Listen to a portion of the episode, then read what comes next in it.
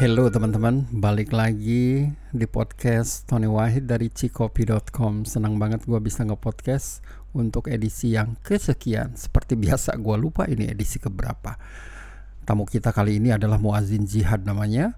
Dia adalah salah satu pendiri Semerbak Coffee Tapi Semerbak Coffee-nya udah tutup.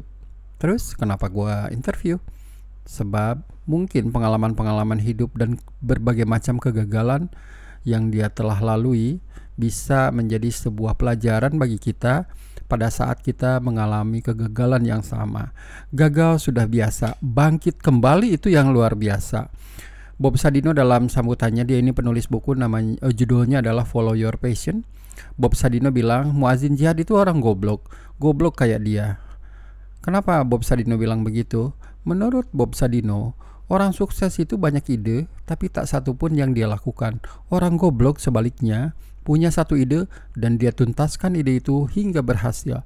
Begitu antara lain dari beragam sambutan yang positif tentang buku ini. Buku ini akan memberikan semangat kepada kita. Jangan takut dengan kegagalan. Itu sudah biasa. Yang menjadi ketakutan adalah bagaimana kalau kalian tidak bisa bangkit dari kegagalan atau kita tidak bisa bangkit.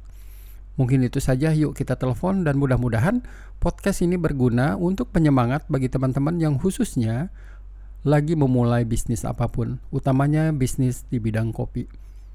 Bersama gue Tony Wahid dari cikopi.com. Selamat menyimak teman-teman. Terima kasih Pak Tony Wahid nih untuk satu kehormatan nih uh, diundang sharing di podcastnya Pak Tony ya Sama-sama. saya pertama sebelum ketemu Pak Tony saya udah me, apa ya mengimpi-impikan oh kapan bisa ketemu?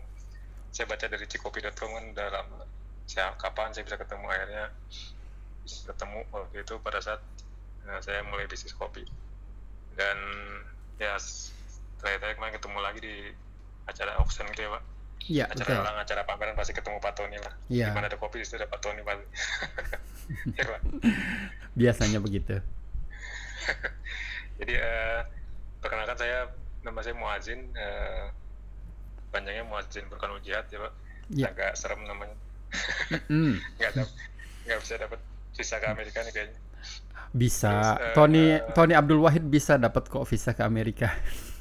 Oh bisa ya. Bisa. bisa. bisa kalau rezeki ya pak. Mm -hmm. uh, ya saya uh, singkatnya saya uh, lulusan dari teknik elektro pak.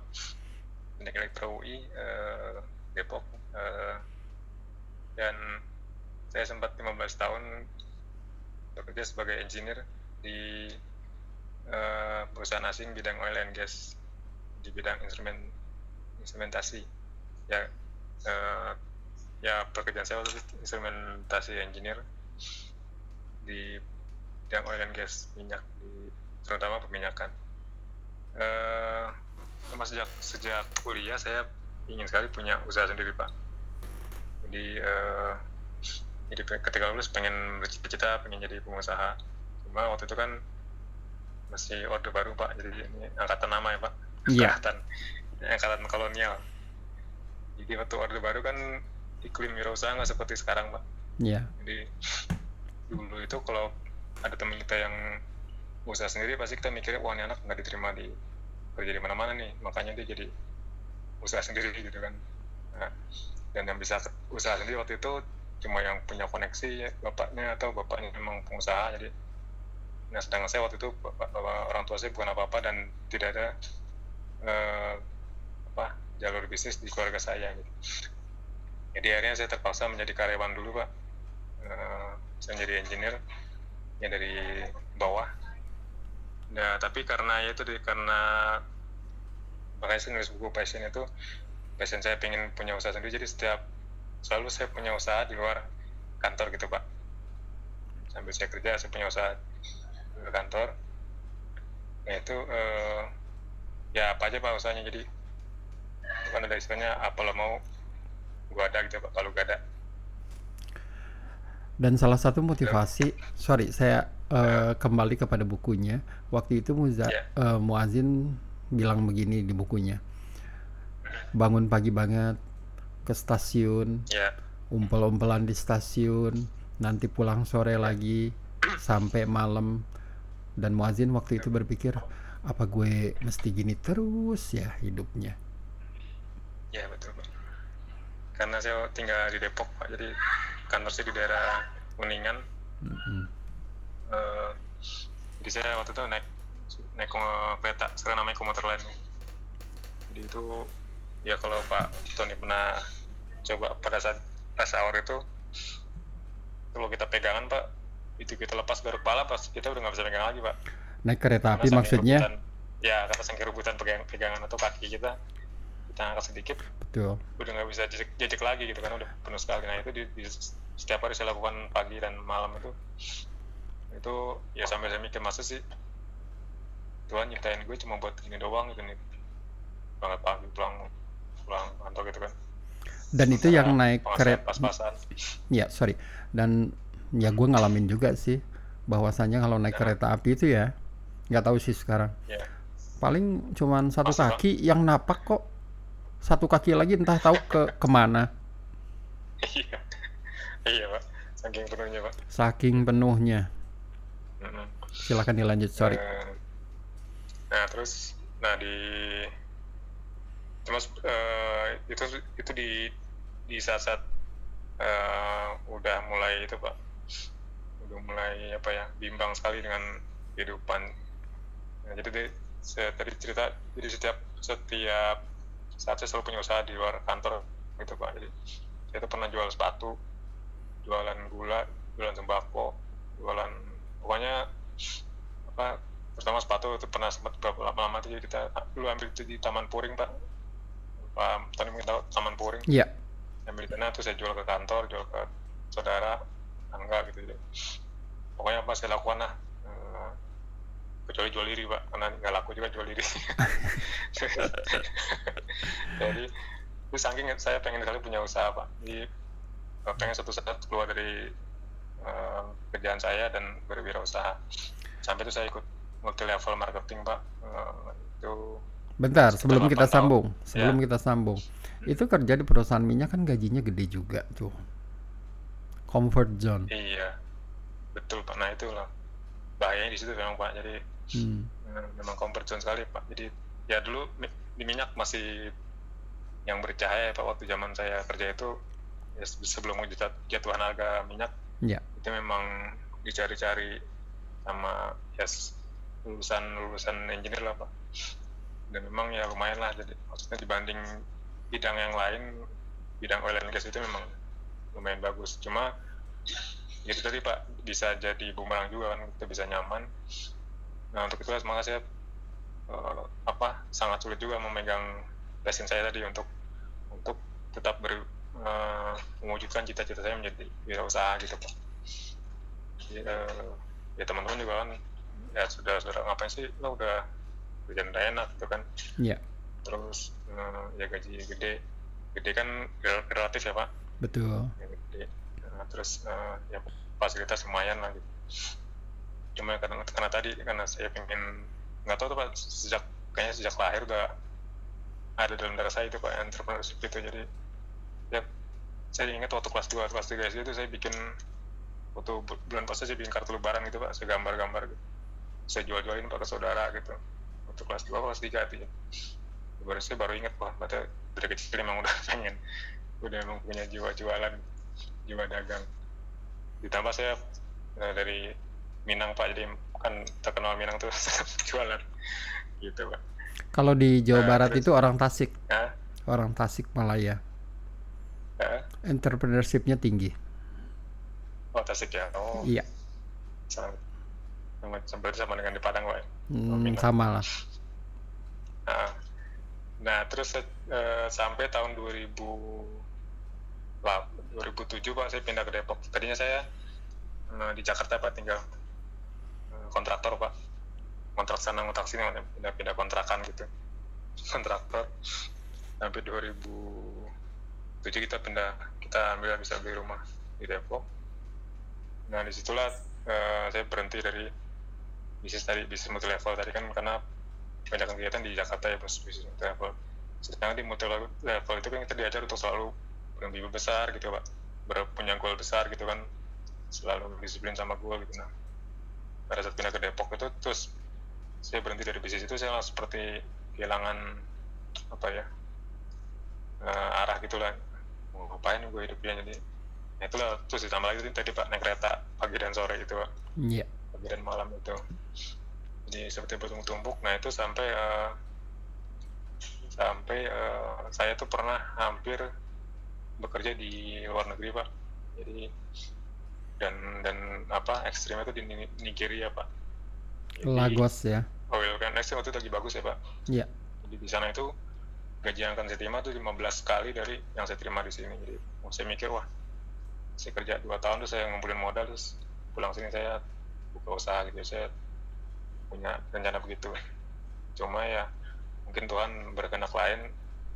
Persis pada saat yang mau diputuskan diterima tuh di Nigeria terjadi mungkin Pak Tony ingat itu ada sempat ada demo sampai pipa gas itu dibom jadi sampai harga minyak turun. Itu pada saat mau di air jadi akhirnya nggak jadi di air. Kedua pernah sa- satu lagi ke Norwegia pak itu. Jadi yang satu panas banget yang satu dingin banget pak. Iya. Norwegia itu juga jadi kita saat terakhir saya mau udah di tanda tangan ternyata di sana pas krisis eh, Eropa kan 2008 itu. Akhirnya mereka nggak terima pegawai baru dari luar akhirnya batal lagi Bisa Terus, bisa berapa eh, sih? Muazin, sorry. Bisa berapa sih gaji eh, orang minyak di luar kira-kira? eh, kalau di Nigeria kemarin 15 kali pak kalau di Norwegia paling 10 kali Bisa ratusan 10 juta? 12 kali Eh, iya bisa Hmm. pak Bu, gue ya pokoknya gaji engineer Indonesia di sana tuh bisa 15 kali. Satu bulan ya satu bulannya. Oke. gitu. Eh, ya cuma itu jauh dari keluarga terus eh, dari dari rumah dari apartemen ke kantor pakai naik mobil anti peluru kan maksudnya. Memang gak ada kehidupan cuma kita ada uang gitu gitu itu yang harus dibayar. Cuma ya, ya Tuhan punya rencana lain bisa nggak jadi berangkat kedua peluang itu. Nah terus 2009 itu ini benar-benar kesempatannya split in the second gitu. Aja sebelum saya berangkat kantor dulu masih saya masih langganan koran kompas koran cetak. Saya ada satu satu iklan kecil di koran itu. Judulnya cara gila jadi pengusaha gitu. Wah menarik juga nih. Terus eh, saya datang waktu seminarnya saya ikut pelatihannya. Mungkin saya perlu nyebut namanya karena karena itulah saya yang merubah hidup saya namanya Entrepreneur University waktu itu Pak Budi Chandra yang punya Prima Gama waktu itu. Itu kita dilatih dalam dua bulan tuh seminggu seminggu seminggu sekali pertemuannya untuk jadi wirausaha gitu pak. Nah cuma di salah satu ininya eh, teorinya adalah memanfaatkan uang bank untuk kita memulai usaha. Nah karena saya waktu itu nggak punya tabungan nggak punya ya orang tua juga nggak punya jadi terus ya dan waktu itu kita kita baru ambil rumah gitu pak. Masih ada tabungan akhirnya kita ngambil KTA pak. Kredit tanpa angsuran. Nah jadi eh kredit tanpa agunan pak maksudnya. Iya. Nah, jadi eh, jadi kan tuh gampang sekali pak. Kita apply pakai kartu kredit aja bisa langsung dicairkan. Jadi benar sekali tadi saya ambil dari lima bank asing. Di 2009 itu saya langsung action buka usaha dan ambil franchise satu franchise eh, restoran bakso malam satu Berapa waktu itu ngambilnya? Dari lima bank itu Apa? total berapa jumlah yang diambil? sekitar 300 pak 300 juta dari lima bank ya. Ah. Oke. nggak banyak sih pak cuman namanya dari karyawan itu kan pertama kali saya ngutang untuk untuk modal usaha gitu Eh, jadi pas ke sini saya wah ternyata nggak besar nggak besar juga. Bahkan banyak teman saya ngutang lebih gede lagi dari saya gitu pak jadi merasa beruntung juga. Nah terus eh, ya tadi saya buka apa tadi? Eh, restoran eh, ambil franchise. Restoran bahasa Malang restoran franchise laundry terus buka salon sama istri. Terus eh, nah itu alhamdulillah pas setelah enam bulan tutup pak. Jadi secara sukses. Dua-duanya tutup. jadi makanya tiga-tiganya pak. Tiga-tiganya. Oke. salon. Salon yang yang laundry sempat sempat jalan cuma ya susul lah pak. Cuma nutup operasional. Ini memang dunia wirausaha itu tidak, tidak semanis yang dikatakan motivator gitu pak. Di, di atas kertas beda sama di, di atas di lapangan. Nah itulah akibatnya saya ketemu bentuk kredit macet pak. Dari, dari lima bank asing KTA semua ininya modalnya. Sementara bisnis saya tutup tutup semua. Jadi ya itulah hari berhubungan dengan debt collector sama debt collector. Terus umur umur saya nggak pernah mimpi akan berkenalan dengan debt collector. Kita kira-kira hampir dua tahun saya berurusan dengan mereka jadi sampai di ada yang di nego kan pak ada yang perpanjang ada perpanjang tenornya ada yang dikecilin dipotong bunganya ada yang diskon lah gitu lah pak. Sama hampir dua bulan eh sorry dua tahun saya berhubungan dengan debt collector dari bank-bank tersebut Dan dua tahun itu selama setiap hari lu diteleponin, diteror dan lain sebagainya. oh iya didatengin pak datengin ke rumah dari Didatengin kantor. juga, wah. dan datangnya nggak nggak sendiri pak biasanya kalau udah pernah masuk satu mobil gitu kan ya saya nggak mau bilang suku ya tapi ya apa dari timur gitu Iya. gede gitu badan serem-serem kantor ya sekantor udah tau lah kalau saya lagi banyak utang gitu. Ya cuma biasanya kan utang saya bukan buat konsumtif bukan buat macam-macam buat usaha. Ya terus terang aja memang. Dan kemudian waktu itu saya nggak punya mobil mobil saya cuma kalau bapak tahu Van- Trend tahun 94 pak. Iya. saya bilang "Ah, ini ini lo ambil aja ambil aja paling cuma 20 juta kan saya bilang gitu. Nah, kita waktu itu bener-bener ya nggak punya apa-apa gitu. Nah di saat itulah eh, saya ketemu dengan teman saya teman SMP terus kita waktu itu eh, saya ada ide waktu itu buka gua gerobak pak gerobak minuman. Waktu itu yang lagi booming itu teh poci pak. Nah terus ini kopi belum ada nih. Bikin kopi lah gitu. Kebetulan partner saya itu punya punya apa kenalan yang yang, yang memproduksi kopinya gitu. Cuma waktu itu kopi biji kan belum belum nggak seperti sekarang pak. Jadi kita waktu itu masih main kopi instan. Iya gitu. setelah kita membangun gerobak kopi itu. Modalnya cuma lah bagi dua. Nah, terus kita kita jual sebagai kemitraan gitu alhamdulillah berkembang. Dan terakhir saya keluar itu kita ada sekitar 450 outlet di 80 kota Semerbak kopi. gitu namanya. Iya. Eh tapi eh, yang tadi hutangnya gimana tuh ceritanya? nah ya utangnya jadi eh, nah itu jadi kan saya waktu itu eh, masih masih bekerja pak. Jadi saya part time nah, salah satu salah satu kegagalan usaha saya juga karena saya masih part time apa, menjalankan eh, kantor saya apa sebagai karyawan gitu pak. Jadi nggak nggak secara intens me- mengawasi usaha saya begitu usahanya langsung buka banyak kan tiga tiga usaha gitu. Nah akhirnya itu ya itu pak dari dari gaji lah dari bonus THR terus salah satu juga dari penghasilan dari ini pak Small Coffee itu pak. Jadi usaha yang kecil itu justru yang menghasilkan. Jadi malah usaha yang gede tadi yang yang ratusan juta itu Malah malah enggak. nggak nggak jalan itu. Nah justru yang kecil ini model kecil justru bisa berkembang gitu pak. Dan hutang Itu bisa akhirnya bisa bikin- dibayar ya, eh, Muazin sama lo. Ya Semua hutang bisa dilunasi. alhamdulillah pak ya itu setelah, setelah dua tahun itu terakhir Iya. terakhir saya ngulasin itu salah satu bank asing itu saya dapat surat aduh alhamdulillah akhirnya bisa bisa bebas utang juga gitu, Nah, gitu. pelajaran penting dari sini adalah kalau begitu Hmm. jangan coba berani-berani berhutang untuk memulai usaha bila nggak paham bisnisnya juga ya. Ya setelah itu saya, saya nyaranin teman-teman kalau bisa Jangan.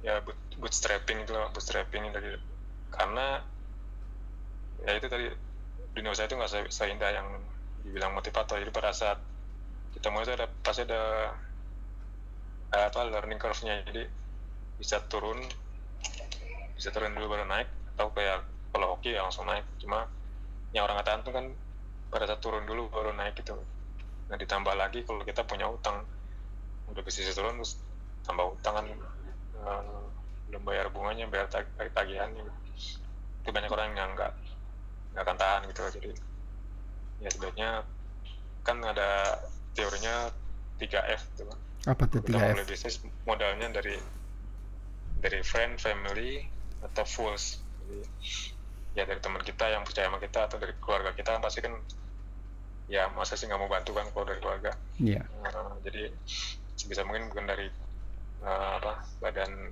keuangan atau fools fools itu ya orang yang punya duit cuma ya udahlah hitung hitung uang hilang lah kalaupun gagal kan dia mau masih mau nyumbangin uangnya gitu.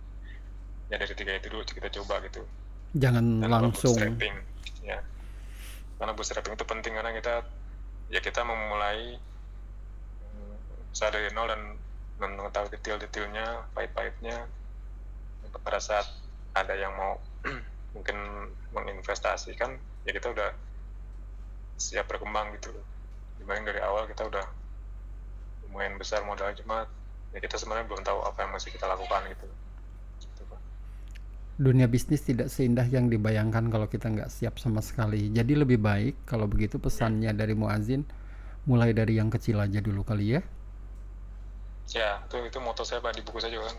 Iya. start small uh, ya, start small cuma uh, begin now. Jadi jangan kita men- nunda-nunda kalau kita main punya mulai usaha cuma juga kita start dengan yang kita punya gitu. Karena kita kita nunda pasti nggak akan buka-buka gitu. Karena kita berharap sesuatu itu akan sempurna gitu. Kita mulai aja dengan yang kecil gitu. jadi ya maksudnya kalau misalkan bisnis kopi ya lo jualan aja lo kopi tubruk lah gitu. Yang usah nunggu sampai punya mesin espresso dulu. Gitu. Nah, itu yang saya yang saya saya ka- sampaikan ke teman-teman yang mau usaha gitu. Ya lo jalanin aja dulu yang ada gitu nggak usah. Jadi maksudnya lo jangan mikirin mikirin soal ujian kelas 6 kalau lo kelas 1 aja belum masuk gitu. Jadi belum masuk aja dulu kelas 1 gitu. Lihat kondisinya sambil jalan. Demen tuh gue yang ini. Nih teman-teman yang small. ya cuma bikin now gitu pak jangan nafsuan ya kalau usaha itu.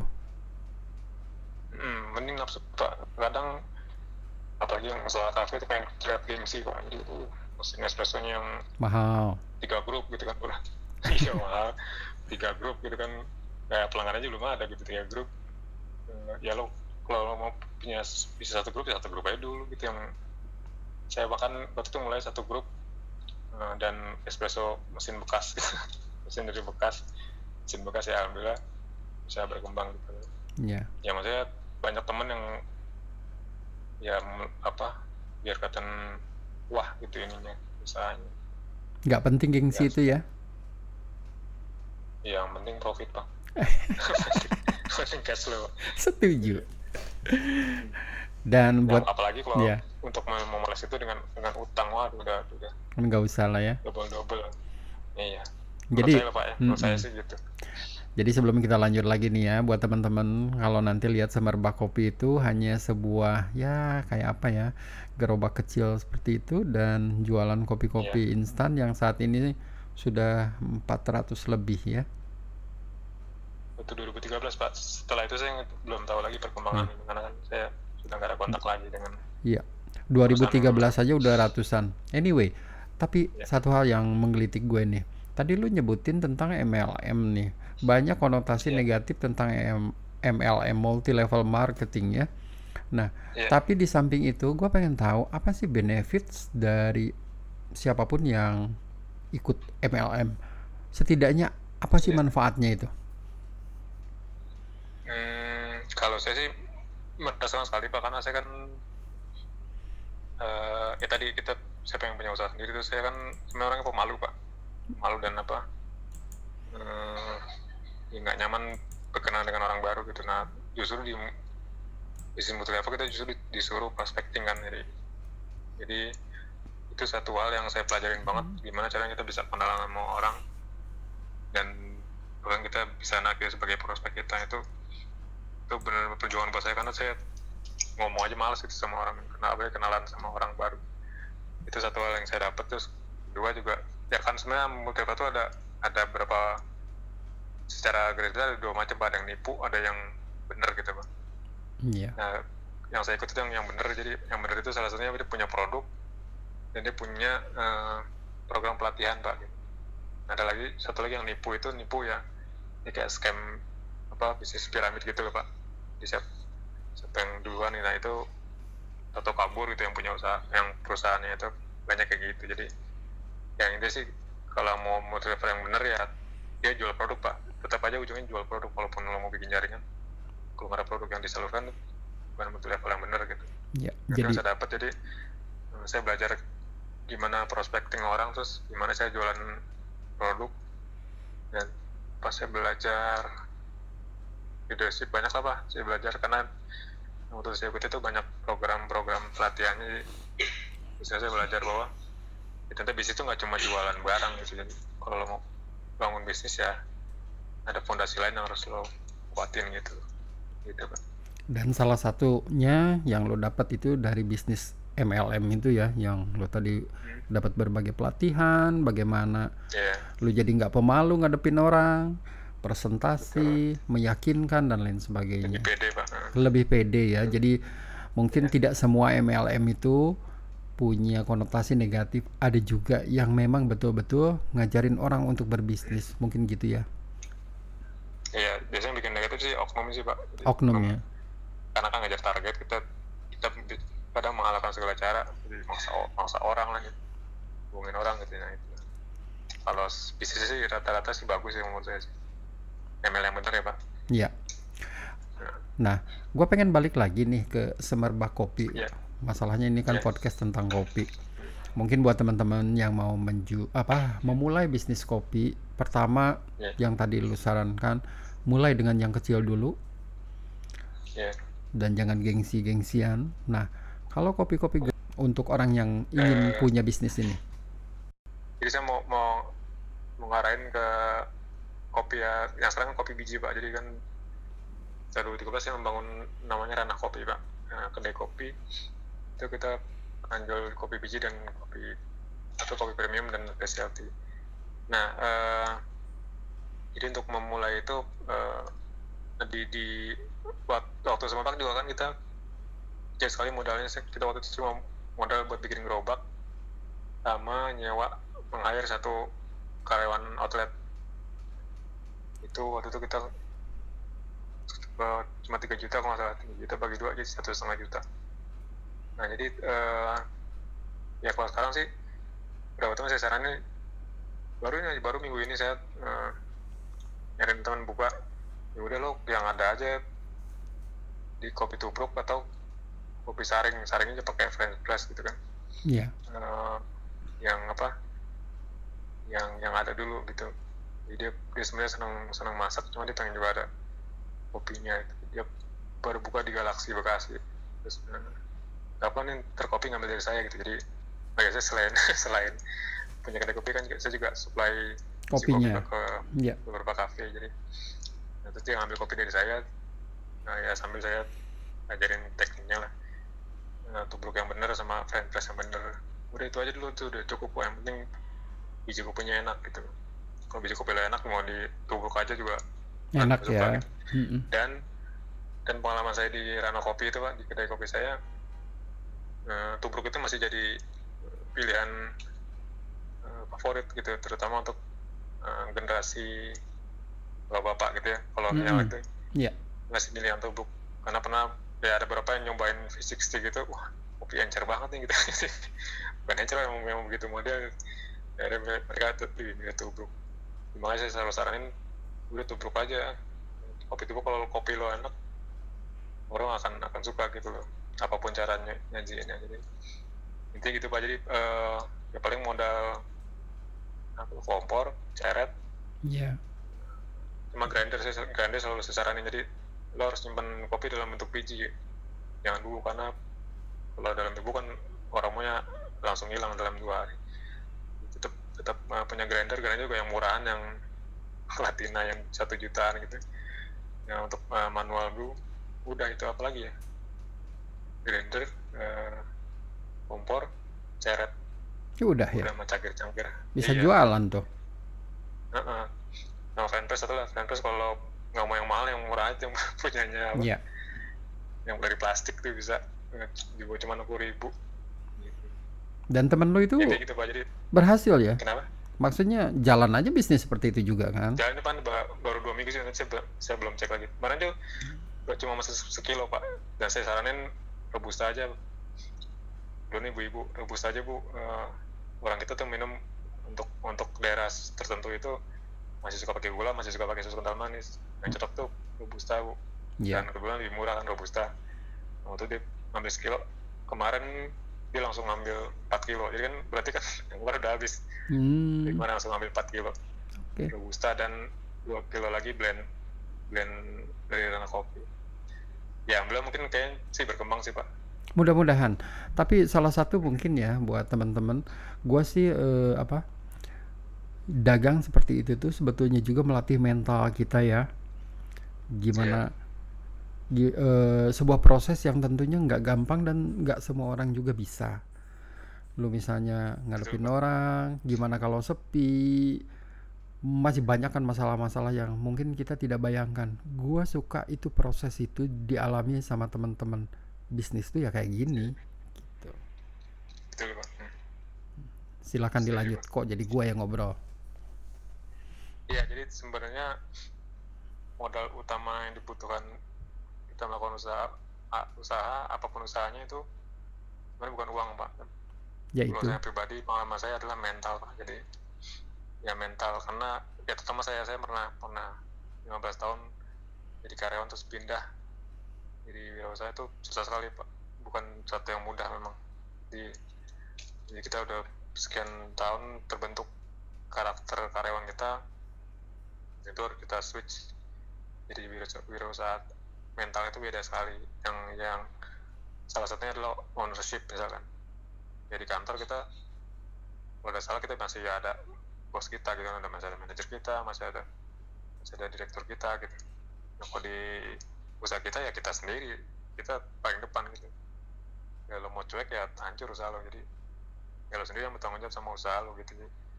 Nah ownership itu yang yang ya apa ya ya saya kan banyak sejak sejak saya resign itu banyak sekali teman saya yang hubungi saya wah hebat ya bisa ini Aku berani berani pindah gitu kan. Ya tadi apalagi tadi background saya kan oil and gas gitu pak perusahaan. Oh berani ya.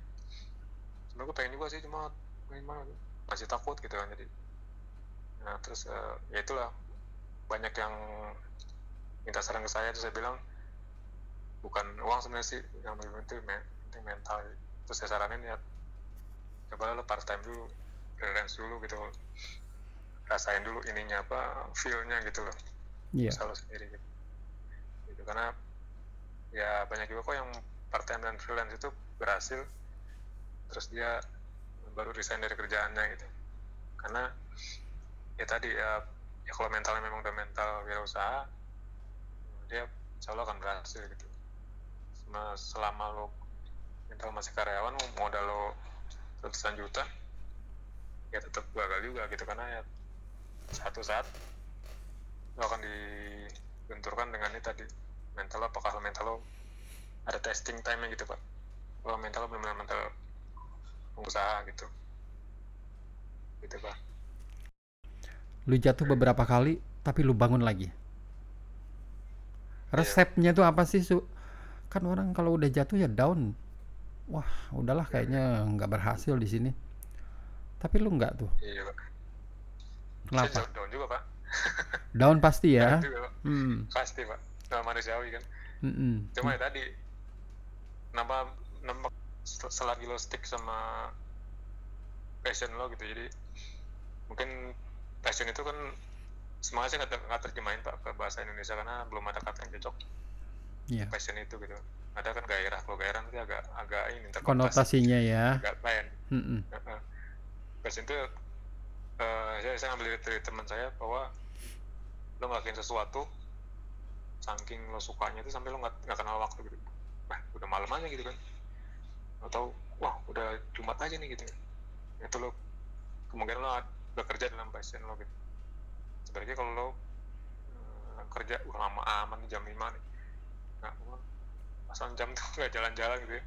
Atau wah ya udah udah senin lagi besok nah itu. Mungkin lo kerja bukan dalam passion lo gitu. nah eh, karena passion saya adalah berwirausaha dan apa ya dan saya udah sudah memproklamirkan bahwa saya jadi wirausaha. Nah itu salah satu ini saya kan pantang mundur apa pantang balik gitu pantang menjelat udah udah sendiri. Jadi ya apa pun yang saya hadapin saya akan bertanggung jawab sama putusan saya gitu pak. Makanya mau jatuh mau jatuh bangun jatuh bangun dan pada saat jatuh itu ya bahkan keluarga sendiri tuh kenapa lu nggak kerja lagi gitu kan? Lo gajinya ah, lumayan itu kan terus lo kilo juga pak lumayan itu kenapa kerja lagi? Jadi banyak sekali godaan-godaan pada saat kita itu sedang down gitu pak. Dan ya nggak ada yang salah sih pak. E, cuma ya waktu saya stick untuk tetap meneruskan pilihan saya menjadi wirausaha gitu pak sampai Apa? Ya, karena pasien saya di situ. Iya. Muazin tapi bagi Ya. teman-teman kita yang kebetulan mungkin ingin memulai wirausaha ya. bisakah mental itu dibentuk seiring waktu? Mereka mencoba terus gagal coba terus. Apakah nanti lama kelamaan terbentuk? Memang harus memang harus butuh waktu pak. Jadi di bukunya eh, Michael Malcolm Gladwell itu The Outliers itu. Hmm, itu ada teori dia 10.000 jam 10.000 jam terbang.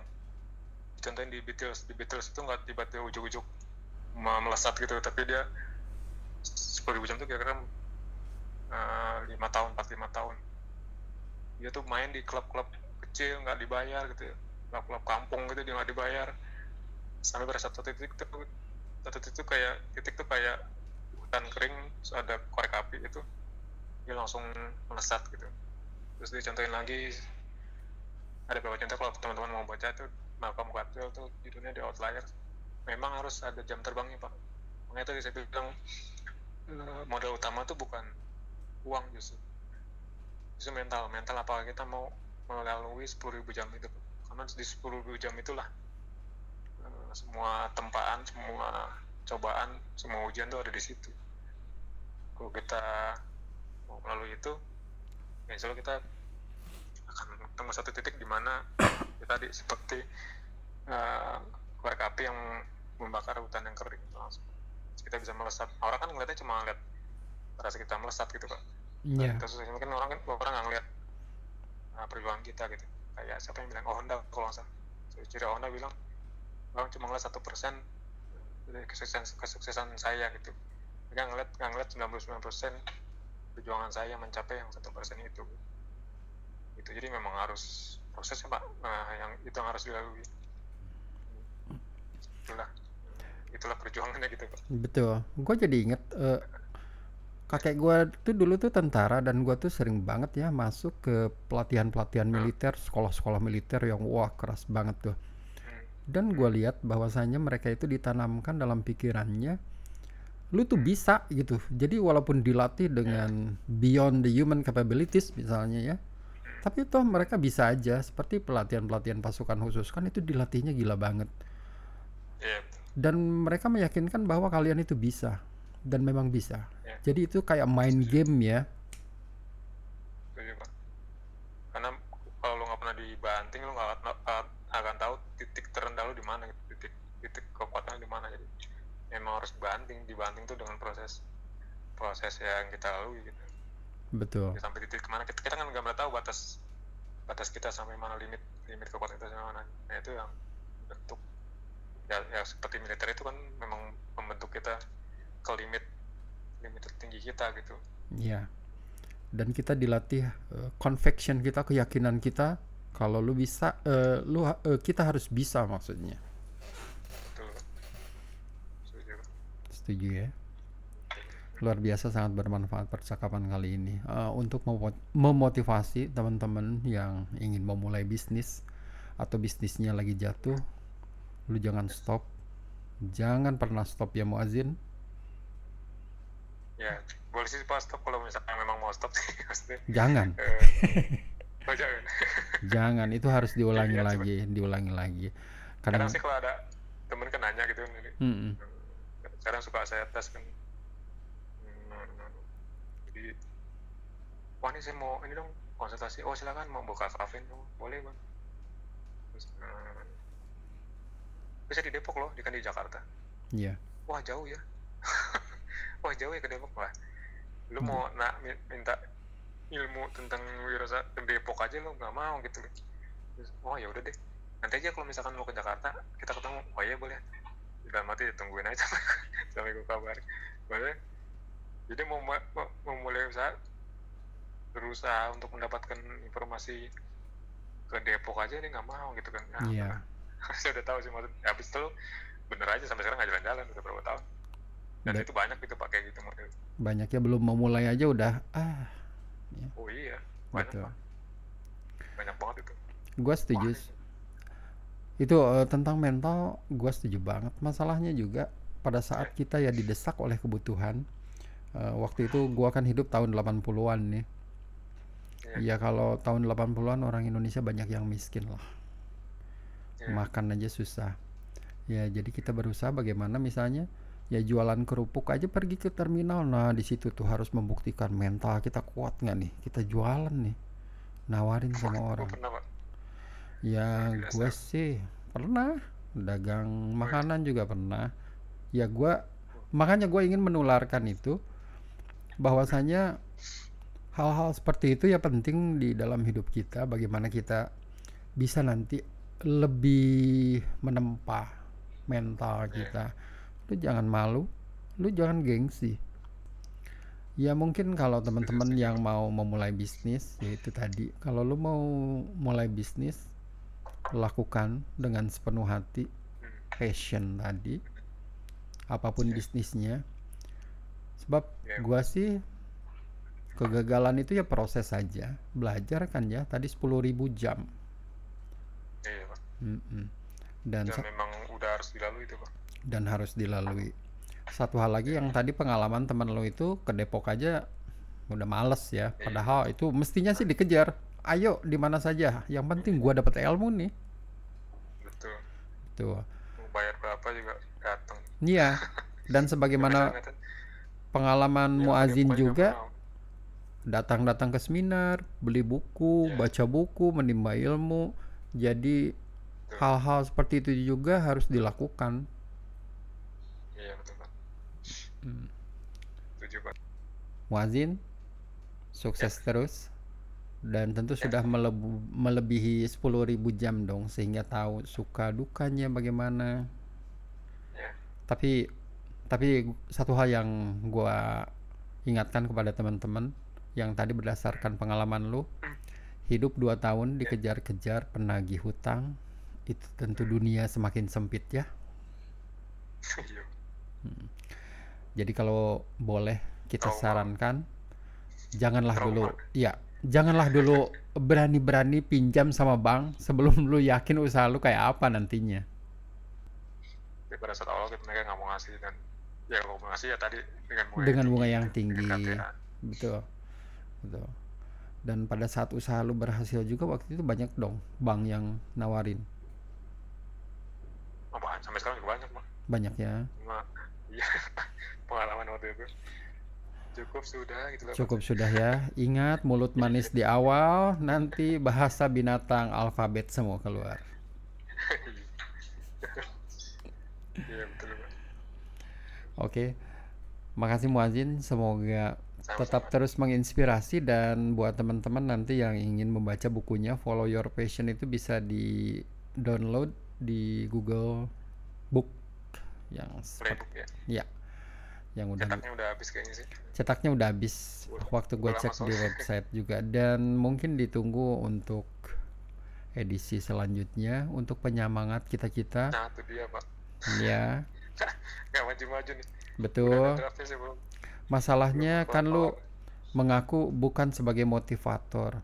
Motivator juga tidak semuanya motiv apa omongannya bisa kita percaya tentunya.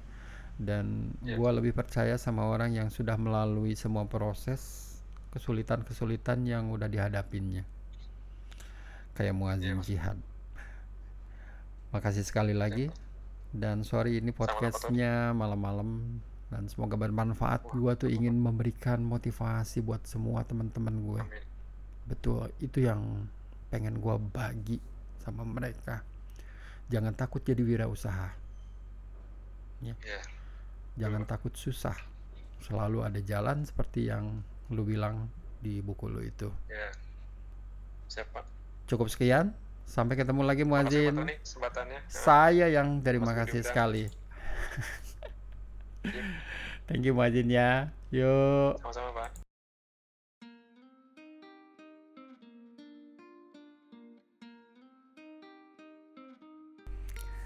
Asik bukan tadi perbincangan dengan Muazin Jihad. Teman-teman sekalian, semoga bermanfaat.